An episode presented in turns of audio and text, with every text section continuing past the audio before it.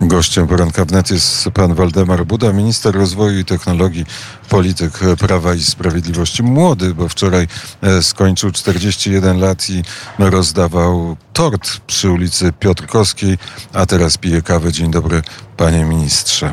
Witam, witam serdecznie. E, dziękuję za słowo młody, bo tak zastanawiałem się, czy jak czwórkę mamy z przodu, to można jeszcze mówić młody, ale jeżeli tak jest, to ja się bardzo cieszę. Zależy od tego, ile pompek pan potrafi e, zrobić i ile kilometrów pan potrafi przebiec. A to myślę, że bym pozytywnie zaskoczył, bo biegam nawet kilkadziesiąt kilometrów, a i pompek robię kilkaset. E, Kilkadziesiąt kilometrów, czyli właściwie jest pan zdolny do tego, żeby z Łodzi przebiec do Warszawy i tam pracować w ministerstwie. No jednorazowo byłoby ciężko, ale w takim maratonie dziennym pewnie by się udało. E, Minister rozwoju i technologii, ale zacznijmy od kampanii wyborczej. Jak pan ocenia dotychczasowy przebieg kampanii? E, Jeśli chodzi o kampanię ogólnopolską, to ona jest bardzo mocno spolaryzowana i widać, że e, Prawo i Sprawiedliwość narzuca tutaj narrację. E, Mamy tutaj wiele tematów takich ogólnopolskich, ważnych i to Polaków interesuje, jak e, chociażby e, kryzys migracyjny i ta chęć Komisji Europejskiej i naszej opozycji również narzucenia nam relokacji, czyli można powiedzieć przyjęcia trochę ludzi z Lampeduzy, trochę z południowej Hiszpanii, trochę tych, którzy są w Turcji i w Grecji. No my mm, takiego procederu i takiego mechanizmu nie przyjmiemy i o to się toczy dzisiaj spór, czy płot rozebrać i puścić szerokim strumieniem w, w zasadzie relokacji e, tych wszystkich uchodźców, czy pilnować granicy i relokacji e, się bronić. No, Nie słyszałem. z- podział jest jasny. e, Nie słyszałem z ust e, opozycji twierdzenia, że należy ten płot czy ten mur na granicy polsko-białoruskiej rozebrać. No wtedy wyobraźnia Łukaszenki jakby ilość prowokacji, które mogłyby się pojawić w tym zakresie byłaby nieprawdopodobna. To, to prawda, ale opozycja nie chce rozebrać tego muru. Dzisiaj nie chcę, bo jest trzy tygodnie do wyborów. E, Jak było trzy miesiące i e, sześć miesięcy, to e, chciała i taka jednoznaczna już w tej sprawie nie była. Więc ja bym tu się spodziewał najgorszego. E, jeżeli mamy gdzieś interes Polski, e, to nie mamy pewności, że opozycja będzie go bronić i w tej sprawie wypowiedzi były naprawdę krytyczne. E, nie budujmy po co, inwestujmy w inne rzeczy, Komisja Europejska zabroni. Takie były słowa opozycji. E, Powiedział pan o narzucaniu narracji. Narracja e, modne słowo, ale teraz właściwie w narracji e, bardziej problem wizowy występuje, a nie problemy, o których pan mówił, czyli nie narrację narzuca PiS, a narrację narzuca opozycja. No ale to jest kłamliwa narracja, ona się nie przyjmuje, jak spoglądamy na zainteresowanie społeczne, czy też na sondaże, to one w żaden sposób nie mm, angażują, ta sprawa nie angażuje, a- negatywnie już na pewno. E, Sprawa wizowa to jest mm, sprawa e, 200, może 250 e, wiz, e, podczas gdy relokacja może dotyczyć kilku tysięcy każdego roku e, tutaj osób, które by przyjeżdżały i pamiętajmy, że ta w cudzysłowie afera wizowa to jest kwestia e, przyspieszeń czy nieprawidłowości wydawanych wizach. E, osób, które tu chciały legalnie przyjechać, które były weryfikowane i tak dalej, i tak dalej. A nie jest to mm, przy- wpuszczanie osób, które rzucają kamieniami w granicę. Kompletnie dwie różne sytuacje i jedna nieprawidłowość, która została zidentyfikowana em, przez państwo i ukrócona przez państwo, a druga to jest zamiar polityczny, można powiedzieć, doprowadzenia do takiej lampeduzy w Polsce i myślę, że e, em, wybór jest tutaj dość jasny. Ale e, to e, Komisja Europejska chce e, wyjaśnić, gdyby pan poczytał artykuły, które się ukazują nie tylko w Polsce, ale i poza granicami Polski, to by pan przeczytał, że to jest afera, która dotyczy setek tysięcy ludzi, którzy nielegalnie dostali się do strefy Schengen i być może wyjechali z Polski, być może żyją poza Polską, nielegalnie wjechali na teren Unii Europejskiej. No myślę, że powinniśmy wyjaśniać, ale przede wszystkim to, dlaczego po e, mechanizmie relokacji w, kilka lat temu, po, e, po tym jak otwarte były Niemcy i Francja na uchodźców z Afryki e, z Dalekiego Wschodu, okazało się, że liczba gwałtów, e, liczba morderstw, liczba e, e, takich przestępstw, można powiedzieć, codziennych, ale bardzo pospolitych, ale bardzo uciążliwych dla mieszkańców Francji i Niemiec wzrosła dwukrotnie.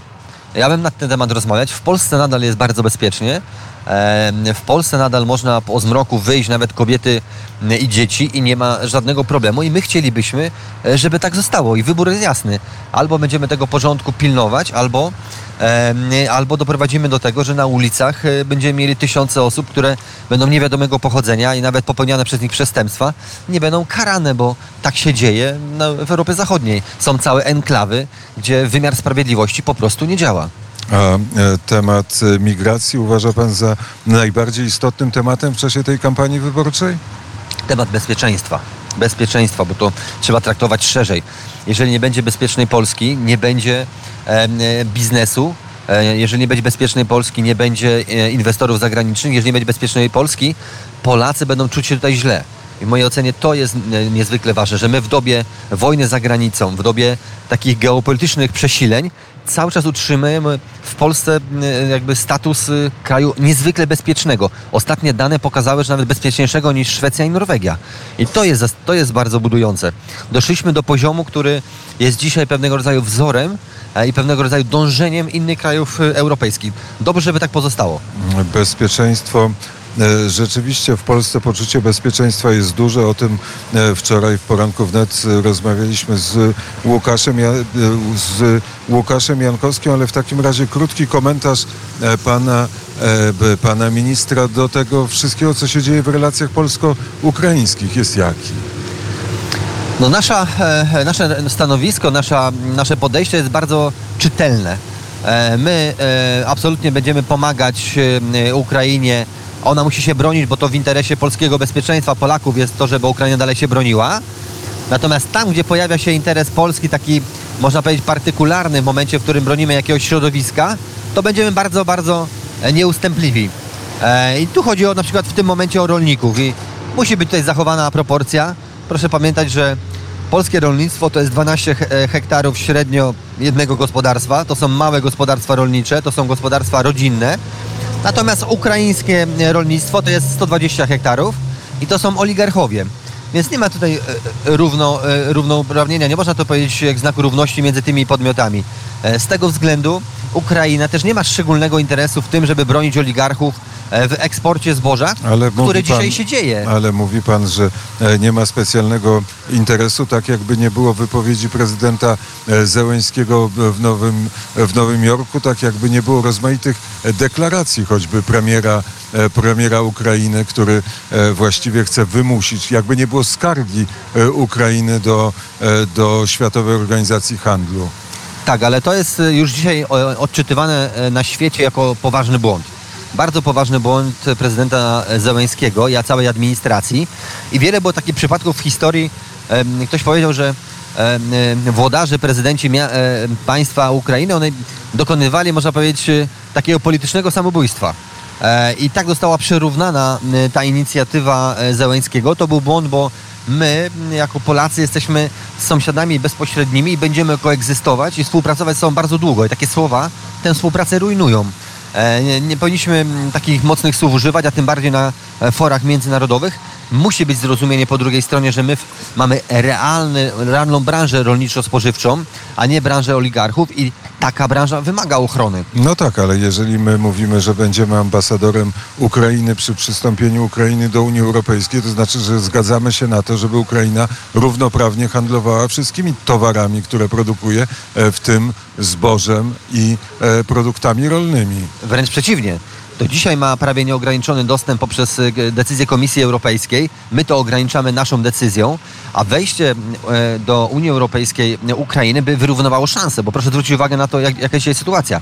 Wszystko można sprzedawać na całym świecie przez Ukrainę, natomiast nie ma żadnych wymogów i nie stosuje się do nich prawo, e, które e, e, jest po stronie europejskiej, które wymaga wielu e, nakładów, e, wielu standardów, wielu procedur, e, które obciążają dzisiaj polskich producentów, e, e, zarówno rolniczych, jak i e, przemysłowych. Więc chcielibyśmy, żeby była równa konkurencja. Jeżeli mamy jakieś standardy, obostrzenia, to nie dotyczą również e, Ale producentów pan wie, że e, równa konkurencja nie dotyczy tego, że ziemia na Ukrainie jest bardziej urodzajna. Tam są e, czarnoziemy, wielkie, e, wielkie obszary czarnoziemi i tak e, będzie, że to, e, że, ten, e, że to zboże z Ukrainy będzie taniej produkowane niż to zboże z Polski, ale może e, zboże ukraińskie zna zawsze znajdowało swojego nabywcę e, najczęściej e, w Afryce i dobrze, żeby tak pozostało. Zboża w Polsce nie brakuje, jesteśmy eksporterem, w związku z tym dobrze, żeby ono było eksportowane tam, gdzie go brakuje i ukraińskie zboże wcześniej czy później tymi szlakami czarnomorskimi powinno trafiać właśnie do Afryki. Tylko e, Morze Czarne jest teraz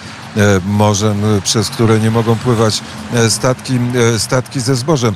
Komisja Europejska podjęła decyzję. Ma być wolny handel, ma zboże w- wjechać na teren Polski. Polski rząd powiedział nie. E, Czy tak to się e, skończy jak e, z KPO? Tak, czyli krótko mówiąc, czy z jakimiś innymi Unia Europejska nałoży jakieś kary albo sankcje na Polskę, dlatego że Polska nie stosuje się do decyzji Komisji Europejskiej. Jak wydawałem pierwsze rozporządzenie w kwietniu, to wszyscy y, nas straszyli i powiedzieli, to będzie wielki spór z Komisją Europejską, z Unią Europejską, będziemy mieli kary i tak dalej. Co się stało? Po miesiącu Komisja Europejska wydała taką samą decyzję jak my.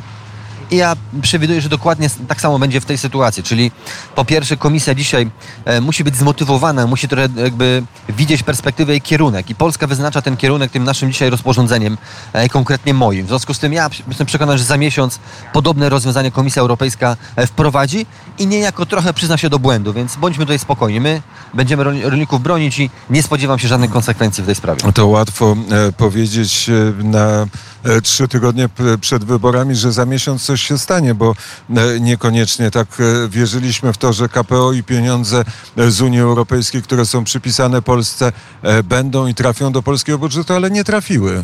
No to mm, ktoś, kto rozumie politykę, to wie, że Komisja Europejska z opozycją grają tymi pieniędzmi i wiedzą, że blokowanie tych, tych środków jest y, e, pewnego rodzaju elementem gry politycznej. E, Zaraz po wyborach nie będzie żadnego powodu, żeby tych środków blokować. E, Więc y, to myślę, że jest gra na wyczekanie do 15 października. Ale po, po wyborach e, do e, Sejmu są wybory do, e, do Parlamentu Europejskiego, są wybory samorządowe. Zawsze są jakieś wybory i zawsze z jakiegoś powodu można zablokować pieniądze, tym bardziej, że tych pieniędzy Unii Europejskiej brakuje. Najważniejsze są wybory parlamentarne i wszyscy to wiedzą. E, I tutaj e, gra się toczy o to, żeby e, utrudnić przedłużenie władzy przez rząd Zjednoczonej Prawicy i Prawa i Sprawiedliwości. Ale to się, to się nie uda, bo pamiętamy ogromny atak na Polskę, na Zjednoczoną Prawicę przy ostatnich eurowyborach. Jak to się skończyło? E, Nadsondażową, można powiedzieć, zwyżką i wygraną Prawa i Sprawiedliwości. To, co robi dzisiaj pani Holland e, razem z opozycją, z Donaldem Tuskiem, e, no to jest coś, co w ich mniemaniu miało pomóc, w ich mniemaniu mało przeważyć ten czarek goryczy, można powiedzieć, na stronę opozycji, a ostatecznie okaże się pewnym em, kamieniem do trumny, bo Polacy widzą, że e, takie narracje jak em, w Zielonej Granicy Holand e, to jest narracja antypolska, niemiecka, to jest narracja opozycyjno-niemiecka. E, Polacy nie lubią narzucania takiej narracji. E, To ja na chwilę wrócę do, e, do KPO. Jak e, Polska by sobie radzi bez tych pieniędzy z Unii Europejskiej? Myśmy to przewidywali w bardzo prosty sposób. PFR finansuje wszystkie projekty, które były przewidziane w KPO, a my później je zrefakturujemy ze środków KPO. E, Prosty mechanizm, który jeszcze będąc wiceministrem funduszy wprowadziłem. E, PFR ma środki ze zwrotów star czy inne, e, emitowała obligacje i spokojnie wszystkie projekty realizujemy. Przyjdą pieniądze, zrefakturujemy, komisja za wszystko zapłaci. A myśli pan, że to był największy błąd rządu premiera Mateusza Morawieckiego, że w ogóle zgodziliśmy się na taki oddzielny budżet europejski na KPO? Nie, ponieważ my samą deklaracją tego, że uczestniczymy w KPO, znacząco poprawiliśmy swoje, e, swoje ratingi i e, dzięki temu ten PKB utrzymaliśmy nawet pomimo COVID-u na bardzo wysokim e, poziomie. Wyłączenie się z jakichś procesów europejskich daje sygnał na świecie, że idziemy e, inną drogą outsiderską. E, I to jest e, źle e, oceniane, więc e, dzięki temu chociażby w 2022 roku mieliśmy rekord inwestycji zagranicznych. Jego by nie było, gdyby nie deklaracja, że uczestniczymy w KPO, więc ta deklaratywność nawet nam bardzo potrzebna. E, Ale e, KPO jest e, krokiem pierwszym w, kierunku centralizacji Unii Europejskiej. Teraz Unia Europejska, Berlin, Bruksela chce zrobić krok drugi, znieść weto, wprowadzić budżet europejski na tej samej zasadzie co KPO, tylko w przyszłości większy, e, e, mieć zdolność kredytową, zdolność pobierania podatków, zdolność zadłużania Unii Europejskiej jako całej, e, całej organizacji, całej struktury, e, czyli 600 milionów obywateli. KPO nie ma nic wspólnego z, z, z federalizacją. E, e, To jest e, punktowy projekt, jeden projekt na kilka lat, który dotyczył odbudowy, e, To odbudowy nie na kilka lat, na kilkadziesiąt lat. Na kilka lat środki mają być wydatkowane do 2026 roku. Natomiast budżet Unii Europejskiej to jest kompletnie co innego i tutaj z pewnością nie zgodzimy się na to, żeby nim kierowały jakieś federalistyczne rozwiązania, czyli polegające na tym właśnie, że to komisja decyduje na przykład o tych środkach albo że są em, e, zwiększane ilość spraw czy wolumen spraw, która jest podejmowana e, jednomyślnością. Na to się na pewno nie zgodzimy, tu nasze stanowisko jest jasne. E, Jest e, stanowisko, e, stanowisko e, jasne, ale przy tych negocjacjach dotyczących KPO też wydawało się, że to stanowisko jest e, jasne i te pieniądze e, z KPO na pewno do Polski przypłyną, ale tymczasem nie przypłynęły, bo wtedy była e, kwestia praworządności. Pan premier Mateusz Morawiecki mówił, że to e, nie ma znaczenia, że to chodzi o e, to, czy jest korupcja, czy nie ma korupcji. W Polsce nie ma korupcji, pieniądze przypłyną, ale one nie przypłynęły. To jest polityka, e, to jest e, Ursula von der Leyen, która jest pod presją e, pana Scholza, pochodzą z tego samego kraju, z Niemiec.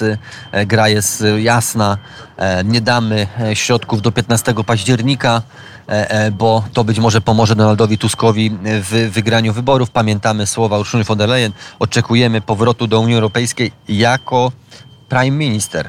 Proszę bardzo, to, było, to były słowa pani Ursuli von der Leyen, więc jej pobudki, e, jej cele są jasne. E, Blokować Prawo i Sprawiedliwość, ale Polacy to widzą. Myślę, że jak się narzuca władza Polakom, już od XVIII-XVII wieku zawsze byliśmy bardzo asertywni. E, W tym przypadku też taka narzucona władza Donalda Tuska, czyli można powiedzieć e, kompana e, niemieckiego, nie spodoba się Polakom. Jest pan e, ministrem rozwoju i e, technologii. Jakie plany takie rozwojowe ma Prawo i Sprawiedliwość, jeśli wygra wybory? No my dzisiaj mamy jasny kierunek. Musimy doprowadzić do e, e, PKB, czyli stopy życiowej e, Polaków e, porównywalnej z średnią Unii Europejskiej. Doszliśmy do poziomu 80% i ten, te ostatnie, e, ostatnie lata to są lata dynamicznego gonienia Europy e, w m, właśnie poziomie e, życia.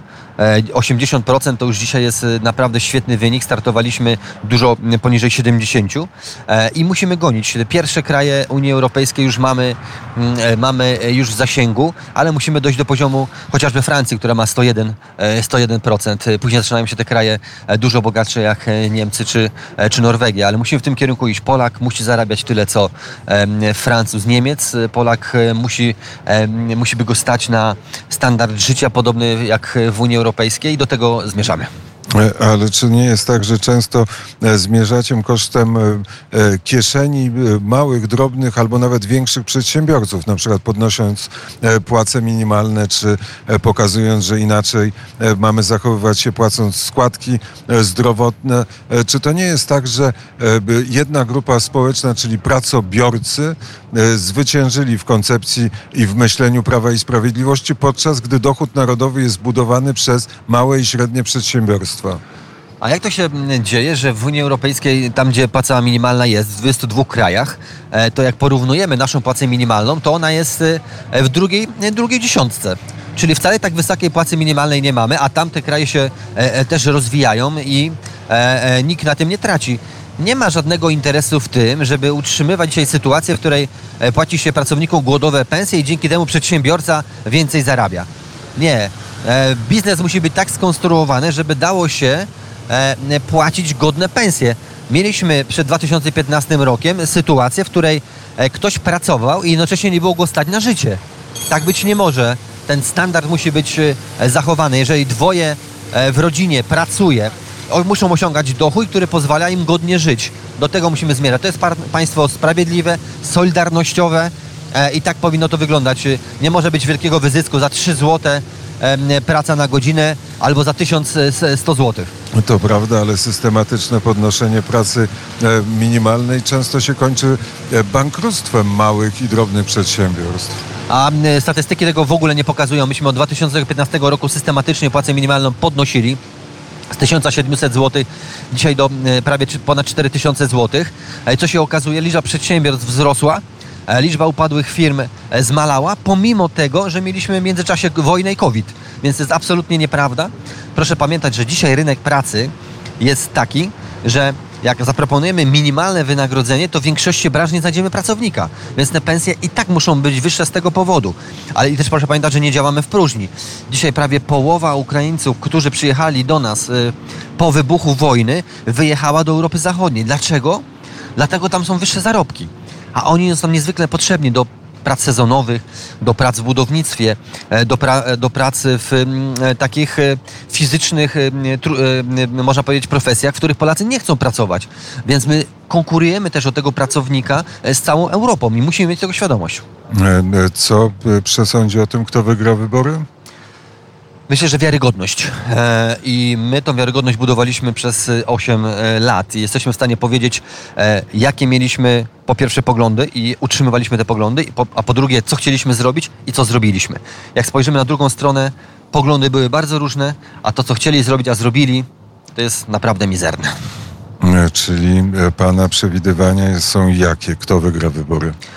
Myślę, że e, e, Kto po, będzie rządził po wyborach? po pierwsze e, Prawo i Sprawiedliwość i Zjednoczona Prawica wygra wybory, a po drugie e, jestem pełen nadziei, że skonstruujemy rząd, który będzie rządem z większością parlamentarną i będzie rządził jeszcze przez kilka kadencji. A w Łodzi co zdecyduje? Co pan łodzianom zaproponuje? Myśmy w ostatnich latach e, do Łodzi sprowadzili budżety e, i środki na inwestycje, które były nieznane dotychczas. E, Zbudowaliśmy ring autostradowy wokół Łodzi. Wspieramy budownictwo komunalne, rekordowe środki nieznane w historii Łodzi. Sam przekazałem w tym roku ponad 40 milionów złotych na ten cel, a potrzebujemy tego. Widzimy pustostany i rujnujące, rujnowane, zrujnowane kamienice, które trzeba odbudować. Po drugie, wspieramy mocno rozwiązania ekologiczne, czyli transport zbiorowy. Rozbudowujemy sieć tramwajową. Sam przekazałem ponad 180 milionów na rozbudowę sieci tramwajowej, więc to widać, to jest zauważalne. Wczoraj bardzo długo byłem na ulicy Piotrkowskiej, mówiłem o tym i łodzianie to pamiętają, doceniają. Sam aż się zdziwiłem, że wskazywali na to, co udało się w Łodzi zrobić, właśnie e, zaangażowanie również przedstawicieli parlamentu i rządu e, e, państwa polskiego. No, Bardzo serdecznie dziękuję za rozmowę. Dziękuję bardzo. Waldemar Buda, minister rozwoju i technologii, numer dwa na listach Prawa i Sprawiedliwości w Łodzi. E, Proszę zjeść croissanta albo napić się kawy. Zachęcająca propozycja.